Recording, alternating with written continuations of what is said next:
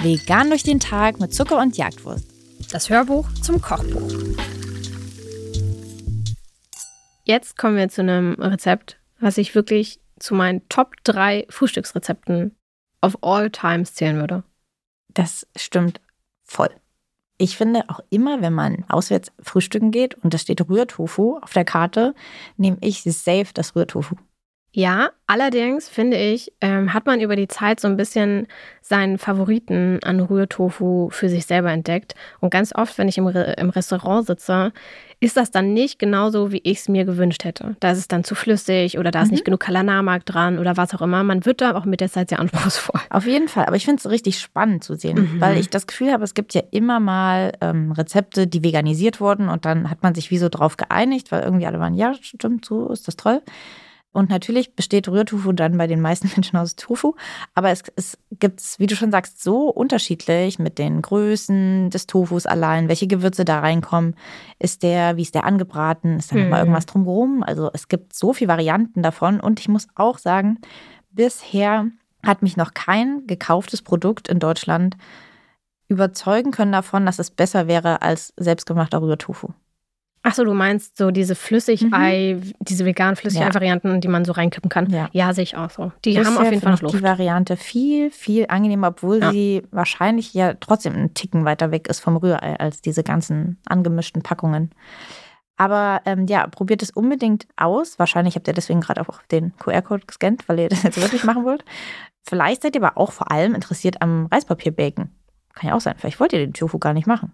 Ja, das kann auch sein. Ähm, Du hattest, hattest du verschiedene Varianten für diesen ähm, Rührtofu überlegt oder warst du direkt safe, dass du auf jeden Fall Reispapier-Bacon machen willst? Weil es gibt ja verschiedenste Varianten, wie man pflanzlichen Bacon machen kann. Mhm, da, ja, das stimmt. Also ähm, per se, ich unterscheide wahrscheinlich immer zwischen Reispapier nehme ich gern, ich nehme gern Auberginenscheiben, ich nehme gern Räuchertofu.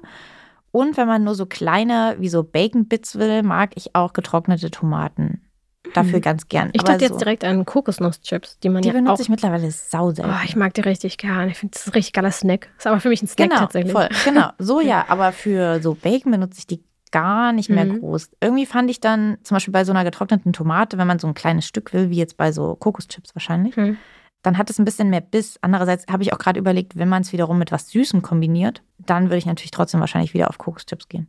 Aber ähm, prinzipiell ist so ein bisschen diese, in Anführungszeichen, Marinade, die es für diesen Reispapier-Bacon gibt, ist für mich immer ziemlich die gleiche. Also Grundlage so Sojasauce, ein bisschen Öl, ein bisschen Liquid Smoke, das ist so ein Raucharoma. Das ballert wirklich richtig krank. Also, das ist nicht ganz so günstig, wenn ihr euch das kauft. Im Bioladen gibt es das, aber auch in größeren Supermärkten und online natürlich sowieso. Ihr braucht aber wirklich nicht viel und es ist wirklich erstaunlich, wie schnell das diesen, diesen Rauchgeschmack wirklich imitieren kann. Bisschen Süße zum Ausgleich mit Ahornsirup und Senf gibt so eine richtig tolle, deftige Note. Und genauso ist es auch mit, dem, mit den Hefeflocken, die habe ich lange nicht reingemacht. Aber auch die machen einen Unterschied nochmal, was die Würzigkeit angeht. Und das ist ja schon so dieser deftige Geschmack von dem Bacon, das, was man möchte. Ob ihr dann als Basis eben, also ich finde Reispapier macht, wird immer am knusprigsten, wenn ihr das wollt. Aubergine ähm, finde ich gut, weil ich den mache ich wiederum gerne ein bisschen dicker, weil da finde ich es besser, wenn man da ein bisschen, wenn das ein bisschen mehr Biss hat, wenn das ein bisschen saftiger in der Mitte ist. Räuchertofu ist, finde ich, so genau die, die Sache dazwischen. Äh, da geht es wahrscheinlich eher dann um den Biss, den ich mag. Und wie gesagt, diese getrockneten Tomaten würde ich dann ähm, nehmen, wenn ich eher so was Kleineres will. Also wenn ihr zum Beispiel so kleine Speckwürfelchen für irgendwas gern hättet.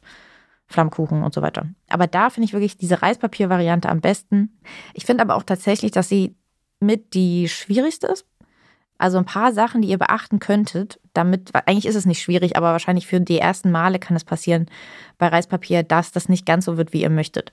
Das liegt unter anderem daran, dass ihr dieses Reispapier wirklich nicht zu lange einweichen solltet. Also wir schreiben hier zwei, drei Sekunden, das kommt euch wahrscheinlich zu wenig vor. Und ihr denkt im ersten Moment, nee, nee, nee, die sind ja immer noch ziemlich hart. Aber macht es wirklich nicht länger. Diese Blätter werden ja nachher auch noch mit dieser Soße bestrichen und die werden sonst wirklich einfach viel zu weich und die werden euch dann einfach zerreißen. Also das funktioniert dann irgendwann nicht mehr. Deswegen da schon mal Tipp 1, wirklich sich dran halten, diese Blätter nur wenige Sekunden reinzutunken. Ich habe die auch im Ofen gemacht. Ich habe das auch schon mal in der Pfanne probiert, aber ich finde, dass das nicht so wirklich funktioniert. Also da bräuchtet ihr auch die bestbeschichtetste Pfanne. Auch da sind die einfach so delikat, dass die mir da immer an der Pfanne kleben bleiben und zerreißen. Und ich finde, das Allerschwierigste ist, da steht auch hier drin, ihr nehmt die am besten aus dem Ofen, wenn sie noch nicht ganz fertig aussehen. Die ziehen nochmal nach. Das heißt, wenn ihr die rausnehmt und die sind schon knusprig, werden die an der Luft einfach super, also hart im Sinne von, die, die brechen dann wirklich. Ihr könnt die trotzdem noch essen, aber ich finde, dann haben sie gar nicht so einen Bacon-Geschmack. Die wirken dann wie sie einfach nur so eine Rauch, crisp. ein kleiner Rauchcrisp sind die dann am Ende. Deswegen würde ich euch eher empfehlen, holt sie mal schon ein bisschen früher raus, lasst die mal kurz stehen, checkt dann, sind die euch noch zu weich? Wenn ja, dann gebt sie noch mal eine Minute in den Ofen und das wiederholt ihr.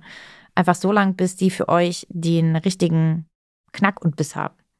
Und wenn ihr noch ein bisschen Gemüse in dieses ähm, Essen schmuggeln wollt, dann könnt ihr natürlich eine Paprika, ein paar Pilze, was auch immer, ähm, klein schneiden und mit dem Räuchertofu zusammen anbraten. Dann habt ihr da noch ein paar Veggies drin, ähm, als kleiner Tipp für alle, die noch ein paar Vitamine reinschleusen wollen. Und ansonsten ist das wirklich ein Tip-Top-Frühstück, vielleicht ein Ticken aufwendiger, vielleicht eher was fürs Wochenende, wo man vielleicht mal ein bisschen Zeit hat. Aber wenn man einmal den Dreh raus hat, dann geht es mit der Zeit wirklich sehr, sehr, sehr schnell. Ohne den Reispapierbacon ist es also wenn ihr den weglasst, dann ist es eigentlich schon auch entspannter. Ja, finde ich auch. Also der Rührtofu ist hier nicht. Nee, das ist gar das kein Problemkind. Genau, und vor allem, ihr könnt den Rührtofu auch, ähm, wenn ihr es nicht ganz schafft, einfach über Nacht im Kühlschrank stellen. Ich finde, der schmeckt auch kalt und so mit der Gabel direkt aus dem Kühlschrank gegessen, wenn man abends um 22 Uhr noch Hunger hat. Das ist auch eine tolle Sache. Na dann, viel Erfolg. Ja. Meldet euch, wenn es Probleme gibt.